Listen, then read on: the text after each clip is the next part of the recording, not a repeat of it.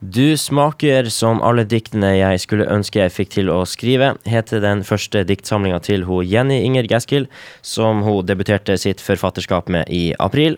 Vi hadde en liten prat med henne da. Hun Jenny hun ble født i Manchester i England i året 1999, men hun har bodd mesteparten av tida si her i Bodø, og nå studerer hun lektorutdanning i Oslo. Så vi har med oss hun over telefon. Velkommen. Tusen takk skal du ha. Det er veldig hyggelig å få lov å være tilbake. Ja, hvordan er det å endelig kunne si det at uh, du er en utgitt forfatter? Nei, det føles helt sprøtt. Det er ikke sånn at jeg føler meg som en forfatter i hverdagen. Så det er nesten som jeg av og til kommer på at boka finnes. Men uh, jeg er jo veldig fornøyd og veldig glad for at den er der ute. Ja, hvordan har, det, hvordan har mottakelsen vært uh, foreløpig? Um, folk er ufattelig snille, og så, folk har så mye fint å si og har lyst til å kjøpe boka og sånn. Men det har jo vært, siden det var under pandemien, da, så var det jo ganske annerledes. Det ble jo ikke noe lansering, og promoen ble jo snevra inn ganske mye i forhold til det vi kanskje hadde ønska oss. Men alt i alt så er jeg veldig fornøyd.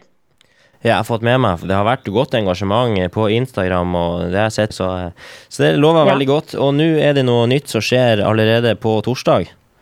Ja, da er det eh, et skrivekurs eh, på Stormen men det som heter Ung tekst. Så da skal jeg ha eh, et eh, intensivt poesikurs på én dag for eh, 13- 16-åringer.